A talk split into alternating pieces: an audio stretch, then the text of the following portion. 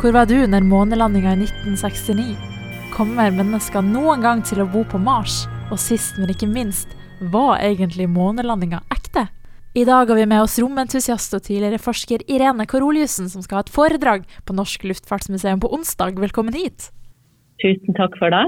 Kan ikke du starte med å fortelle litt eh, hva dette foredraget skal handle om? Ja, dette Foredraget skal handle om romfart. Eh, jeg skal fortelle litt om historien eh, bak romfart. Hvordan det starta. Så fortsetter jeg litt med hva romfart har betydd for eh, ja, hva vi har funnet ut i løpet av de her 66 årene som vi har holdt på. Og så skal jeg avslutte med å fortelle litt om framtidens romfart og hva som er i vente da, framover. Og så lurer jeg litt på din bakgrunn. da. Hvordan kom du liksom inn i det her, og hvordan ble du så opptatt av det her med romfart, universet og månen og alt sånt?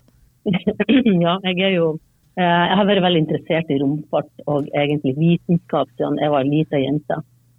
Eh, jeg utdanner meg til biolog, og så har jeg jobba i mange mange år med biologiske eksperimenter på romstasjonen.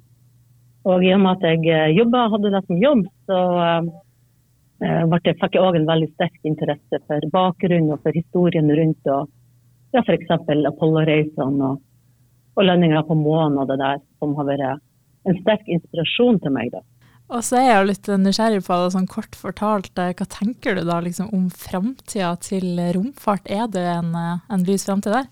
Ja, jeg eh, tenker jo at det er veldig mye spennende på trappen innenfor romfart. Det er jo mange som tenker å gå tilbake til månen. Det er jo flere som planlegger å reise til Mars.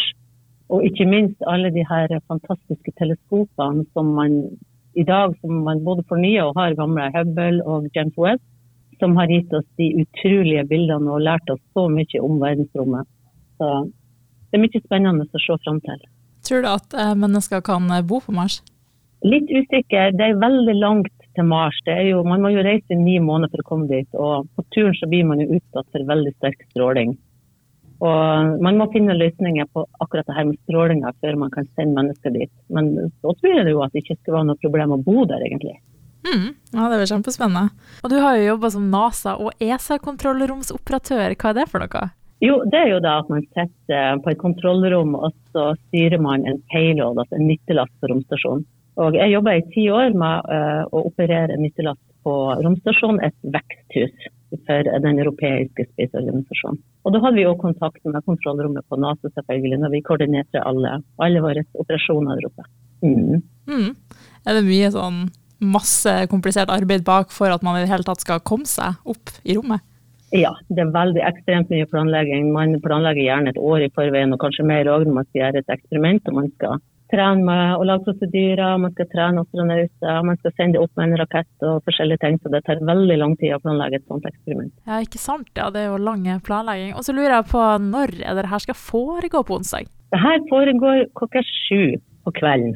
Og alle sammen er hjertelig velkommen. Hvem passer det best for, tenker du? Jeg tenker at det passer best for ungdom og voksne. Og så det var gratis, eller?